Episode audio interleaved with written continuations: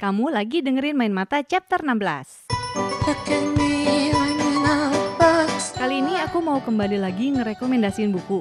Tapi bedanya, buku-buku yang aku obrolin kali ini bakalan ku bawa nanti buat tukeran buku di acara tuker tambah yang diadain hari Sabtu tanggal 14 Desember 2019 di Dekoruma Experience Center lantai 2 dari jam 2 siang sampai 8 malam. Apa aja buku-bukunya? Dengerin yuk! Oke, buku pertama yang bakalan aku bawa untuk tukar tambah nanti itu judulnya Baju Bulan yang ditulis oleh Joko Pinurbo. Pasti banyak dari kamu yang udah tahu lah ya Joko Pinurbo itu siapa. Beliau adalah seorang penyair yang kemarin baru aja meluncurkan buku novela pertamanya berjudul Seri Menanti. Main Mata juga kemarin sempat wawancara Joko Pinurbo, bisa cek di chapter sebelumnya.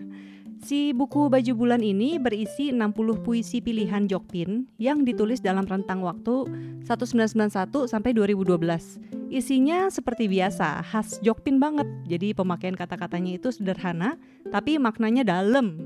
Dan sepertinya sih memang Jokpin tuh bisa sih bikin puisi dari tema apa pun ya. Benda-benda atau hal membosankan bisa dia olah jadi sesuatu yang bikin kita mikir. Dan tema atau topik yang sering kita dengar di keseharian juga bisa jadi kelihatan berbeda dan jadi menarik ketika dipuisikan oleh Jokpin. Tema yang diangkat di buku Baju Bulan itu ada macam-macam, tapi memang ketika aku baca tuh aku merasa isinya itu cukup banyak berkisah tentang keluarga. Dia banyak menceritakan tentang ayah, tentang ibu, tentang anak, dan ada juga beberapa tentang celana. Dan kalau boleh dibilang nuansa si buku baju bulan ini memang cukup sedih dan kelam. Soalnya banyak bercerita tentang kematian, tentang kesakitan, juga kenangan. Dan ada juga satu puisinya yang mengangkat tentang peristiwa 98 buatku sendiri sih banyak banget puisi-puisi yang aku suka dari si buku baju bulan ini dan salah satunya itu juga yang menjadi judul si buku ini sendiri yaitu Baju Bulan. Ini aku bacain satu ya. Bulan, aku mau lebaran. Aku ingin baju baru, tapi tak punya uang. Ibuku entah di mana sekarang, sedangkan ayahku hanya bisa kubayangkan. Bolehkah bulan ku pinjam bajumu barang semalam? Bulan terharu. Kok masih ada yang membutuhkan bajunya yang kuno di antara begitu banyak warna-warni baju buatan? Bulan mencopot bajunya yang keperakan, mengenakannya pada gadis kecil yang sering ia lihat menangis di persimpangan jalan. Bulan sendiri rela telanjang di langit, atap paling rindang bagi yang tak berumah dan tak bisa pulang. Itu dia tadi buku pertama yang bakalan aku bawa, buku kumpulan puisi berjudul Baju Bulan dari Joko Pinurbo. Nah, lanjut ke buku kedua. Kali ini judulnya itu Tanah Air yang Hilang, ditulis oleh Martin Aleida. Tanah Air yang Hilang ini buku nonfiksi, isinya itu bercerita tentang 19 orang Indonesia yang kehilangan tanah air dan jadinya mereka tinggal di berbagai negara di Eropa karena peristiwa 1965. Jadi waktu peristiwa G30 SPKI, orang-orang di dalam buku ini itu adalah orang-orang yang terjebak di Eropa dengan status eksil. Padahal sebenarnya banyak dari mereka tuh yang nggak terlibat secara langsung di dalam politiknya ataupun berafiliasi dengan paham komunis. Jadi banyak dari mereka yang kebetulan memang lagi belajar di luar negeri karena diberangkatin oleh Soekarno. Nah, pas Soekarno jatuh, mereka dikejar-kejar oleh pemerintah Soeharto, kemudian disuruh milih tuh mau mendukung pemerintah yang baru atau tetap setia ke Soekarno. Terus ya karena mereka loyal, soalnya kan mereka diberangkatin studi oleh Soekarno. Ya mereka nggak mau mendukung pemerintahan yang baru. Akhirnya ada dari mereka yang dikejar-kejar sampai paspornya disita. Terus kemudian akibatnya ya mereka terpisah dari keluarganya di Indonesia. Mungkin seumur hidup dan ada juga yang sampai mesti ganti nama supaya nggak nggak berhasil dilacak Bahkan, ini yang sedihnya juga ada eksil yang sampai akhirnya bunuh diri dengan loncat dari apartemennya di Belanda. Pas ditemukan di tangan si eksil ini, terlihat kalau dia menggenggam sejumput tanah Indonesia yang dibungkus kain putih dan tulisannya Tanah Airku Indonesia. Aduh, sedih banget, merinding banget juga. Sedih banget deh. Tulisan-tulisan Martin Aleida memang banyak fokus ke peristiwa 65, baik itu dia menulis dalam bentuk fiksi maupun non-fiksi.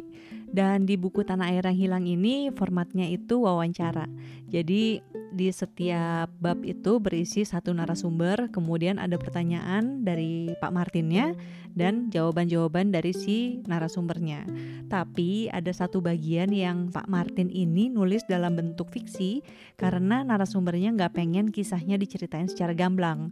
Walaupun ya ketika kita membaca fiksinya, mau nggak mau memang kita udah mendapatkan gambaran apa sih yang sebenarnya terjadi dengan si Exil ini.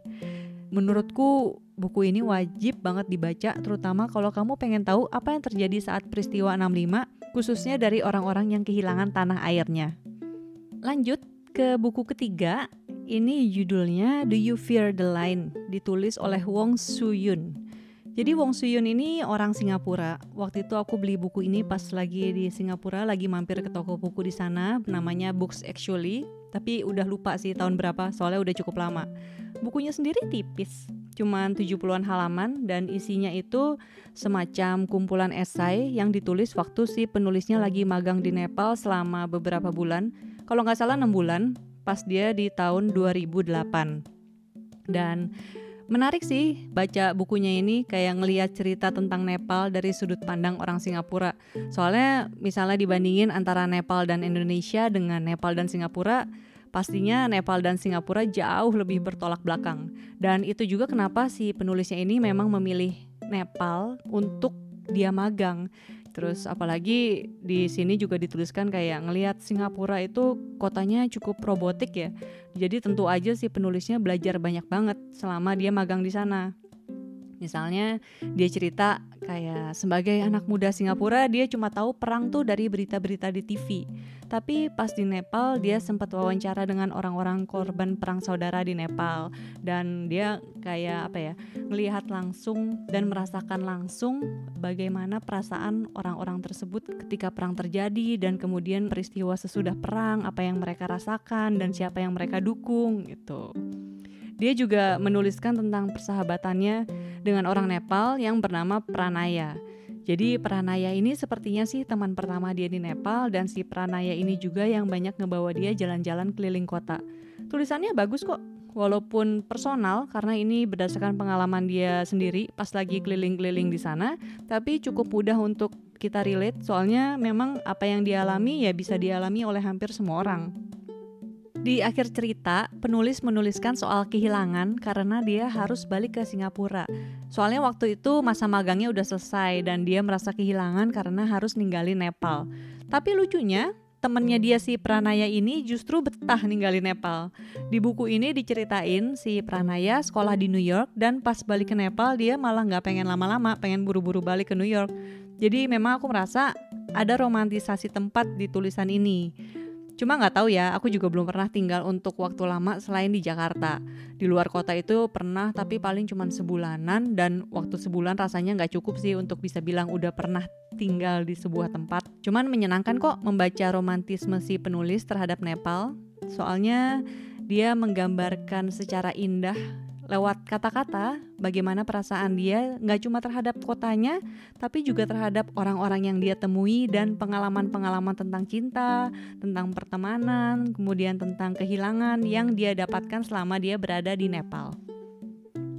Buku keempat yang mau aku bawa untuk tukar tambah itu judulnya Picnic in the Storm. Ini ditulis oleh Yukiko Motoya. Jadi buku Picnic in the Storm ini isinya itu kumpulan cerita, ada 10 cerpen dan satu novela. Pas pertama kali lihat bukunya cukup penasaran soalnya pas lihat bagian belakangnya itu ada tulisan nama Edgar Keret sebagai salah satu endorsernya dan Edgar Keret adalah salah satu penulis favoritku sepanjang masa. Jadi pas lihat ya udah tanpa pikir panjang langsung beli deh. Ketika mulai baca satu cerita di buku ini, komen pertama yang terlintas di pikiran adalah gila, ini ceritanya lumayan absurd ya premis ceritanya tuh cukup aneh-aneh sih. Misalnya ada satu cerita itu tentang seorang ibu rumah tangga, dia jadi bodybuilder sampai bentuk badannya tuh bener-bener berubah jadi berotot banget. Tapi lakinya di sini diceritain sebagai seorang workaholic, dia nggak sadar kalau istrinya berubah. Terus ada juga tentang perempuan, dia menikah dengan laki-laki yang terbuat dari sedotan. Terus ada lagi ceritanya juga tentang perempuan, dia mengalami yang istilahnya itu pareidolia. Kalau belum pernah dengar, pasti kamu udah pernah mengalami. Contohnya si pareidolia ini adalah kalau misalnya kita ngelihat suatu pola itu jadi kayak sebuah bentuk.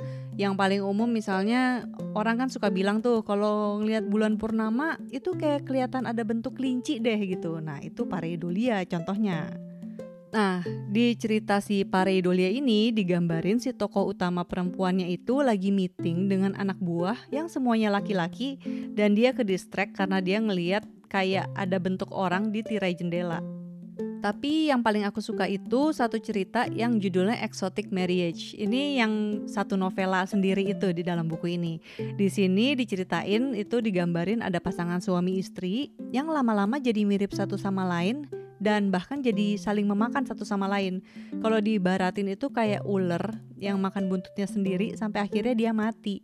Jadi kayak udah nggak kelihatan nih yang suami yang mana, yang istri yang mana saking miripnya.